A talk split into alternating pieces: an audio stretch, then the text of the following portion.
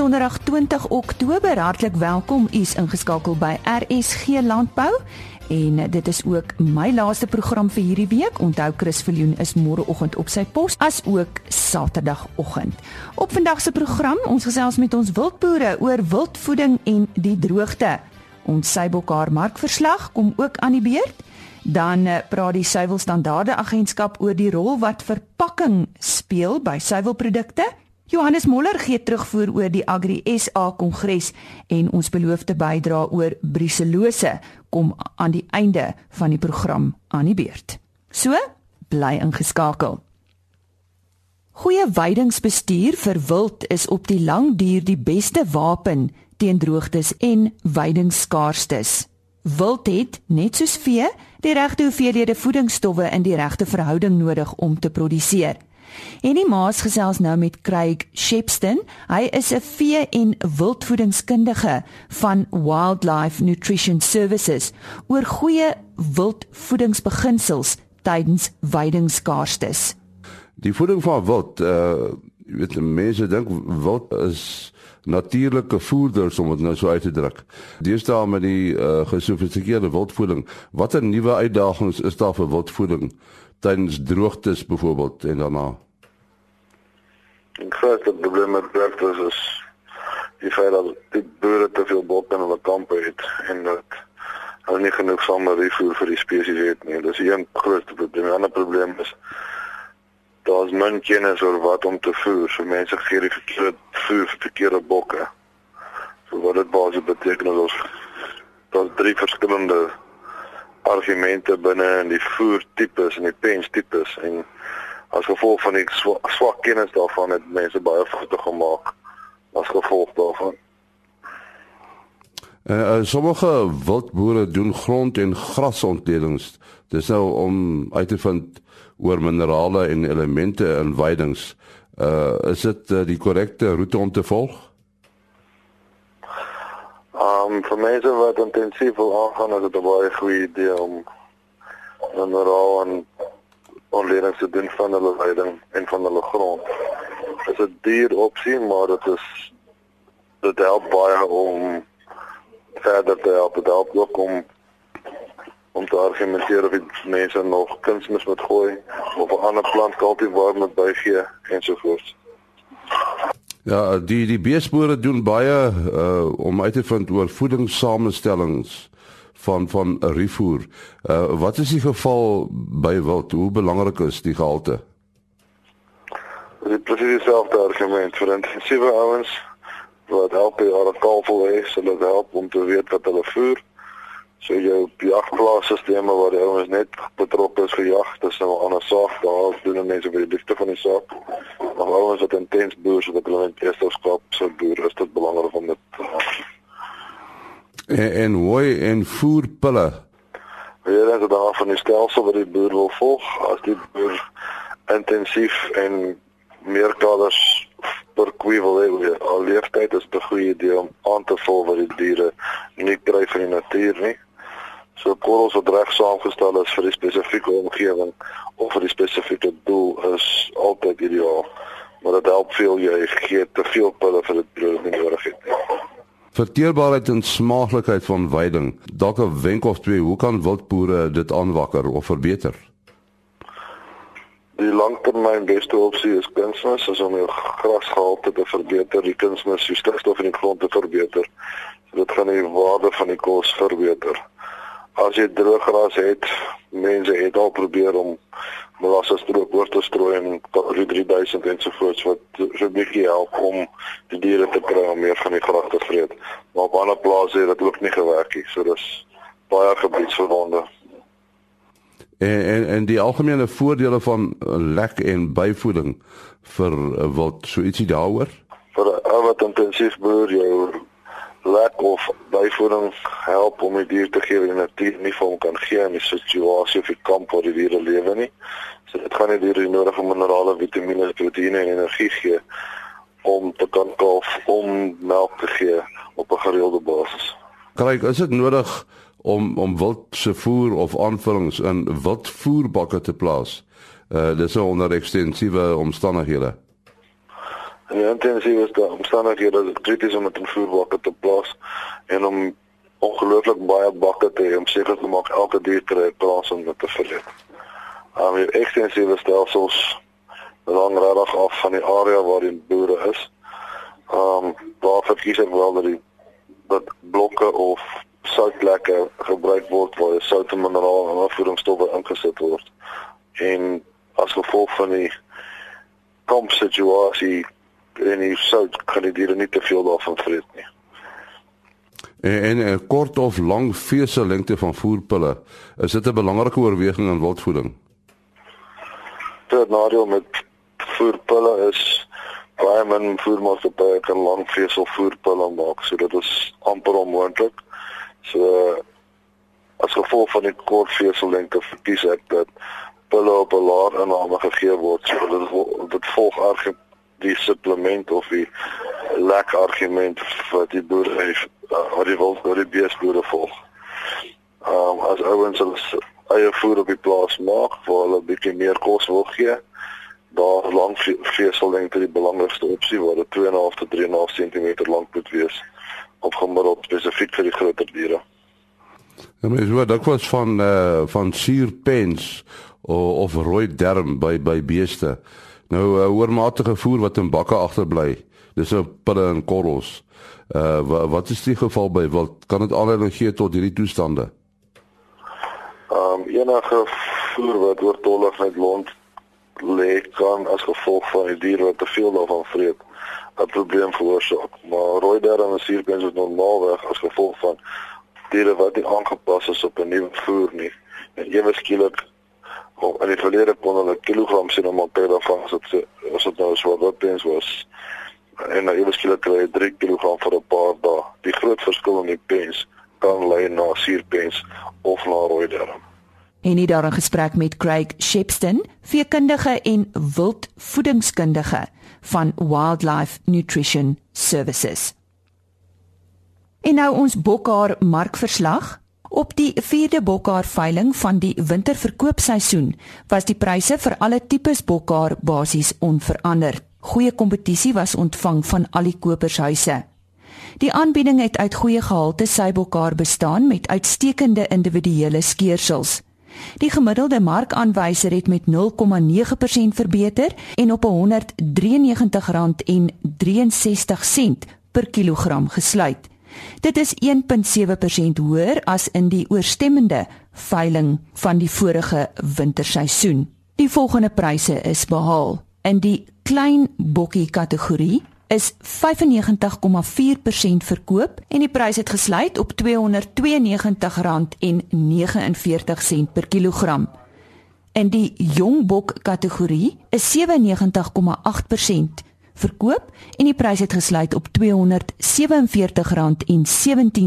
per kilogram. In die groot bok fyn kategorie is 99,4% verkoop en die prys het gesluit op R207.53 per kilogram. In die groot bok ster kategorie is 98,9% verkoop en die prys was R175.15 per kilogram.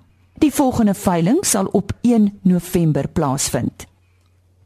En nou gesprek wat Henny Maas gehad het met Jompie Burger, hy is bestuurende direkteur van die Suiwelstandaarde Agentskap oor die rol wat verpakking speel by suiwelprodukte.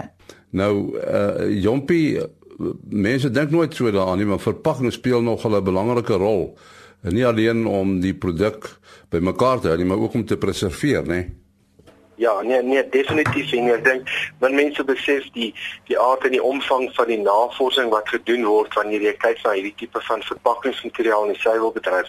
Ek dink een ding wat ons weet is dat melk en melkprodukte nie ander bederfbare uh, produkte nie in die konteks van sy samestelling en verpakking uh nie onder dieselfde kamp geskeer kan word nie. Met ander woorde, jy kan nie jy kan nie 'n jogurt langs 'n 'n ander produk soos 'n gegeurde melk noodwendig en vars melk uh plaas en dan 'n uh, uh, langs dit 'n EAT en sê dit is dieselfde nie. So met ander woorde jy moet na al hierdie produkte se unieke eienskappe gaan kyk en in die inherente eienskappe wat dit het en sien hoe dit wesentlik verskil ten opsigte van pH, die rapleeftyd Ehm um, natuurlik die prosesse waarin dit blootgestel word, die hittebehandeling, gepasteuriseerde melk versus ultra gepasteuriseerd IAT en sterilisasie. So in die konteks van van wat met die produk gebeur en die aard van die produk nê. Jy weet soos byvoorbeeld um, partyprodukte het verkoeling nodig uh, terwyl dit geberg word en ander nie, soos IAT en gesteriliseerde melk. So dit dit is krities belangrik en jy weet dat dis omvangryk as mens kyk na die werk wat gedoen word agter die verpakking. Ehm um, jy weet wanneer jy selfs produk op die rak sien, ehm um, wat se tipe van koste lê daar agter. Nou in die breë as jy kyk na verpakking en die rol om seker te maak van dat die dinge regloop, wat wat is dit? Wat moet verpakking vir jou bied? Ek dink belangrik dat effektiewe verspreiding kan plaasvind. Met ander woorde, hier's ook 'n sterk houer waarvan jy die spasie kan optimaal benut. Ehm um, jy kyk na die produkhigiëne wat behoue moet bly uh, jy wil graag um, jou integriteit van jou materiaal wat binne in die verpakking is, wil jy graag beskerm. So die produk moet die verpakking moet sterk genoeg wees ten opsigte van beskerming. Die produk se voedingswaarde en ander karaktereienskappe soos kleur, geur, smaak, daai goed moet behoue bly. So dis presies wat jy gesê het, die aspek van preservering. Ehm um, dit bring ons na voedselbederf en vermossing dat sover as moontlik moet preservering kan plaasvind.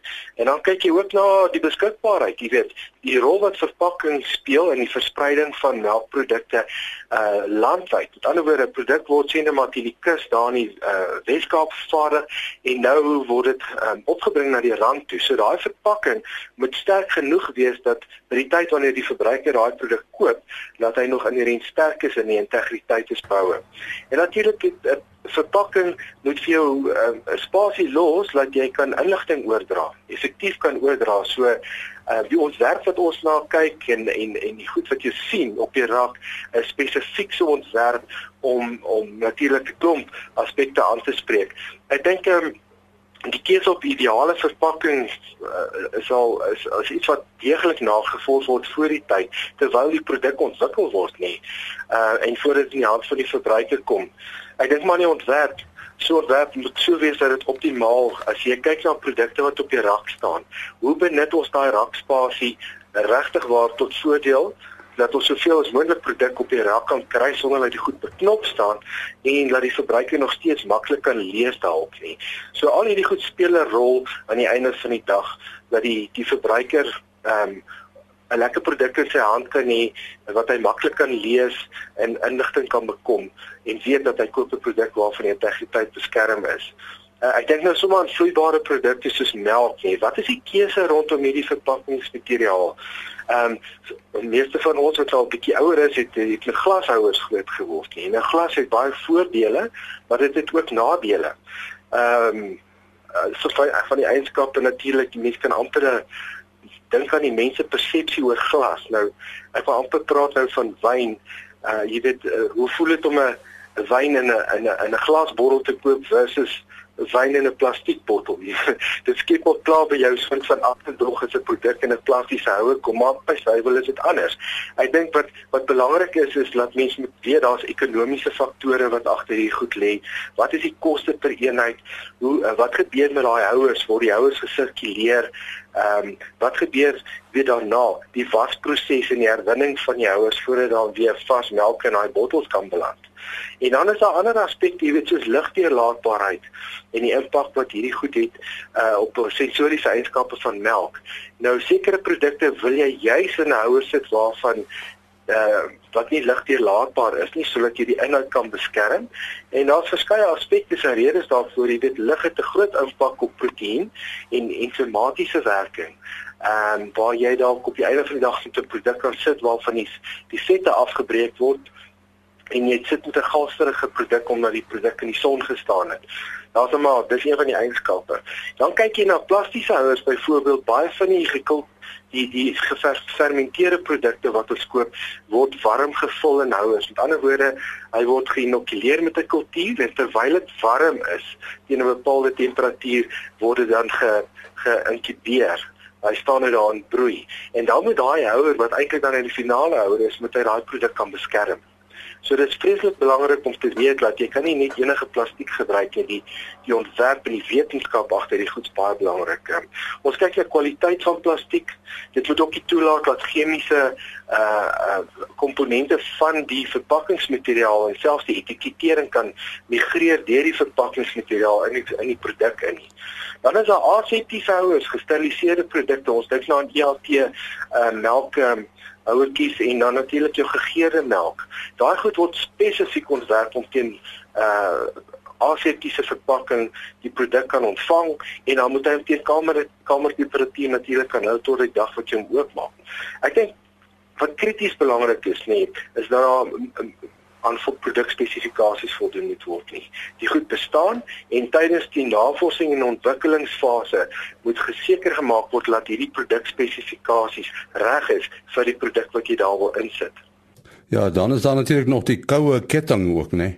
Absoluut. Ek vind die waardeketting is um, uh, is 'n my mening daaroor is dit is absolute gedeelde verantwoordelikheid. Met ander woorde, die persoon wat die produk in daai houer sit, het het 'n klomp vereistes waaraan hy moet voldoen.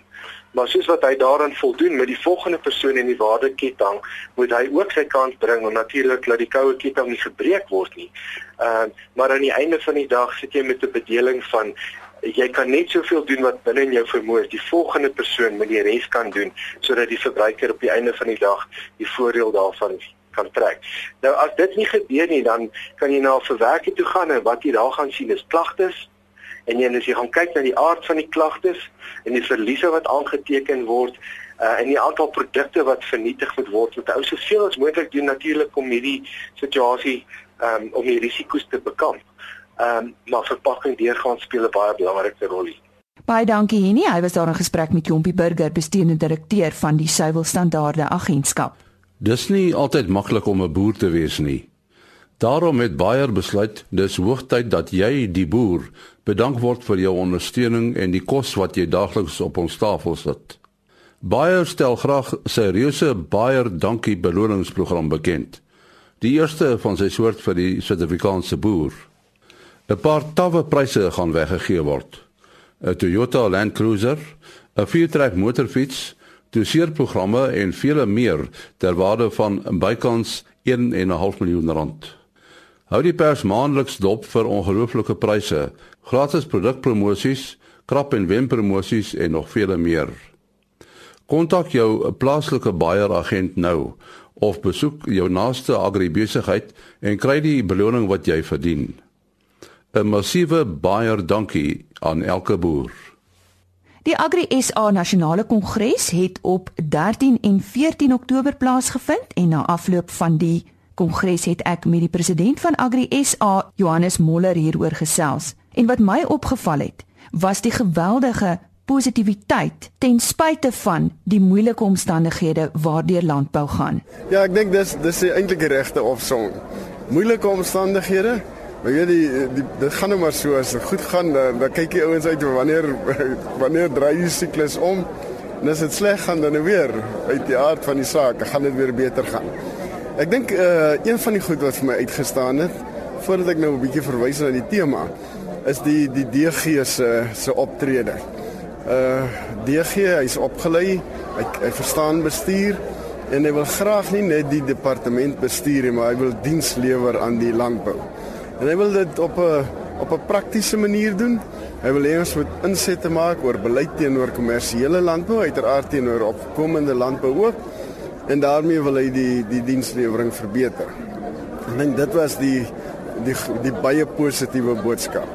Ons eie uh vloei van die kongres het begin by by hoe hoe gaan die landbou ontwikkel en groei? En uiteraard is die antwoord deur tegnologie, tegnologiese ontwikkeling. Maar dan nou hoe? Jy weet en en en en ons het dit gekoppel met die 4de industriële revolusie en en die die die groter uh outomatisasie van produksieprosesse, biotehnologie, presisie landbou ensovoorts ensovoorts. En uh en daar het, het ons nou aangegaan na, na wat is die die aspekte waaraan ons nou moet aandag gee. Veiligheid. Ons het twee generaals gehad, die uh veldvoerder van die weermag en van die polisie. Ek dink dit is eintlik 'n eerste en en dit dit was vir, vir ons almal bemoedigend om te sien dat dit dat die veiligheid van die landelike gebiede vir hulle ook 'n groot prioriteit is. En daarvan af het ons nou, nou verder gegaan met met die res van die program en dit was eintlik so 'n natuurlike vloei van tegnologie veiligheid en grondervorming. Nou wat is die geleenthede? Hoe groei ons die markte en dis meer en en en hoe lok ons groter investering in landbou? Is daar negativiteit? Uiteraard is daar negativiteit. Daar's nog steeds mense wat sê uh grond vir grondervorming behoort ver onder markprys aan te koop, maar dit gaan nie investering aan aanmoedig nie. Dit was belangrik om hierdie antwoorde ook te kry. So daar was 'n massa inligting by die kongres en en die mense ook moet 'n bietjie gaan sit en dit verwerk en in uh en assimileer en kyk hoe gaan jy hiermee vorentoe. Maar ek dink dit was baie goed. Anders as ander jare waar ons noodwendig beleidsdokumente aanvaar, het ons hierdie jaar hierdie inligting gekry oor hoe neem ons 'n klomp van ons beleid wat bestaan hoe neem ons dit vorentoe in die jaar wat kom? En deel bietjie met die luisteraars, die amptenaren, wie wie is nou weer verkies en wie nie? Wat is was daar enige veranderings? Nee, daar was geen veranderings nie. Nie vir jare, dit kom volgende jaar. Jy bly? ja, dit kom volgende jaar. Maar uh, die spannetjie bly dieselfde. Daar was verlede jaar redelik veranderings en ek dink dit is belangrik dat dit vir 'n jaar lank ten minste moet stabiel bly.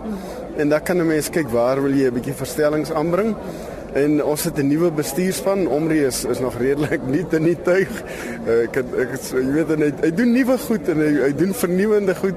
Maar uh, jy sit daar voor en jy kan net nie vir vreeslik lag oor die goed waarmee jy sukkel en en dit maar nou ons almal gekyk wat nou al 'n bietjie langer is om hom ook te hê. Maar ek dink dis goed. Dis wonderlik hierdie vernuwing.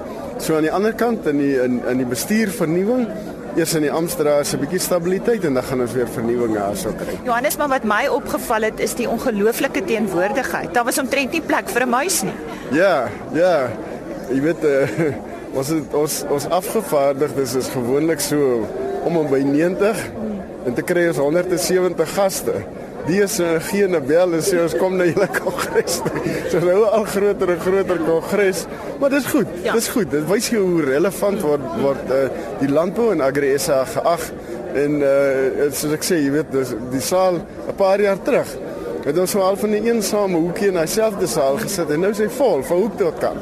Uh, dis vir my baie positief. Die president van Agri Suid-Afrika, Johannes Moller. En nou ons beloofde inset oor briselose wat uh, elke donderdag uitgesaai word, Henny Maas. Ons het uh, laasweek gepraat met uh, eh, Dr. Alicia Kloete en sy het toe gepraat uh, oor die siekte self. Nou hierdie week praat ons met Dr. Suellen Davey. Sy is staatsveearts uh, daar op Momsbury en uh, sy is uh, verbonde aan die Kaapse Departement van Landbou. Uh, as ons nou vinnig kyk na die die eh, beheermaatreëls uh, wat hierdie siekte betref, wat sou die belangrikste wees, Suellen? Die belangrikste sal wees is om nie positiewe diere in jou kudde in te koop nie. Want die verspreiding van die siekte tussen plase kom normaalweg deur deur besmette beeste in te koop. Uh, hoe sal 'n mens weet uh, dat dit wat jy koop uh, nie besmet is nie? Jy moet baie mooi kyk na die kudde geskiedenis uh, van die kudde waarvan jy jou beeste inkoop, dat hulle hoë biosekuriteit toepas, dat hulle eend, dat hulle gereeld hulle beeste toets en dat hulle negatief is. En dan moet jy eintlik 'n verklaring kry dat al die toetse vir 'n geruime tyd al in plek is en negatief was. Nou word word boere verplig om op 'n manier aantekening te hou van wat die gesondheidsstatus van hulle kuddes is. Met die omdat brucellose 'n beheerde siekte is, kry die staat al die uh, eh, brucella toetse. So as 'n boer nie weet nie, kan hy altyd die plaaslike staatsveearts vra wat is die status van daardie boer se kudde. Maar ons staatsveeartse reik sertifikate uit as die boer skoon getoets is, jy weet jaarliks. So en seker is is dit 'n gehalte merk as jy van jou beeste verkoop en, en dit is skoon. Ja, dit is uh, jy kan sê dit is 'n gemalte uh, gehalte uh, status en dit vir my moet dit eintlik status gee aan daardie diere. Maar maar boere word nie verplig om dit so te doen nie. Nee, dit is 'n voluntary scheme. Dit is nie 'n verpligte skema nie om te toets. Is dit nie iets wat moet gebeur nie? Ja, dit uh omdat daar soveel brucellose in die land is, is dit 'n skema wat eintlik beheer moet wees, maar moet ook uh compulsory raak. Nou, eh, wanneer moet moet mense in en en hoe? Wel volgens die diere siektewet wet 35 van 1984 is dit verpligtend dat alle eienaars hulle verskalwes tussen die ouderdom van 4 en 8 maande teen brucellose eend. En daar is twee eendstowwe beskikbaar. Dit is die jou uh, strain 19 en daar is 'n ander een uh, RB51. En as jy eend met strain 19 moet jy net tussen die ouderdom van 4 en 8 maande eend en net eenmalig eend. En dan moet boere regtig waar ehm uh, daardie verse se nommers neerskryf en die datum van inenting dat as hulle in die toekoms daardie dier miskien wil verkoop dat hulle 'n rekord het van van daardie inenting. Maar hulle kan net eenmalig in, in daardie tyd want as hulle dit na die tyd of 'n tweede keer doen, dan meng dit met ons bloedtoetse in en dan maak dit die diagnose van die siekte baie moeilik. Uh so wel dan uh, julle as staatsveearts uh, vind julle daarom dat die boere saamwerk. Man met die inenting is daar baie min mense wat eintlik ongelukkig inent.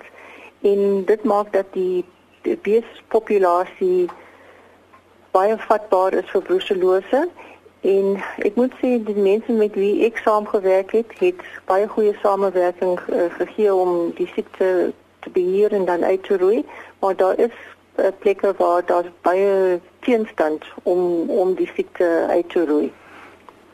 Dit was dan uh, Dr. Uh, Suellen Davey, uh, daar van die Kaapse Departement van Landbou, sy is 'n uh, staatsveearts daar. Dankie Henny. Fluit fluit ons storie is uit vir hierdie week, soos ek vroeër gesê het. Onthou môreoggend om 4:45 in te skakel saam met Chris Viljoen. daarmee sê ek mag u 'n wonderlike week verder hê en mag dit reën waar dit nodig is. Totsiens. RSG Landbou is 'n produksie van Blast Publishing. Produksieregisseur Henny Maas. Aanbieding Lisa Roberts. Inhoudskoördineerder Martie Kerstyn.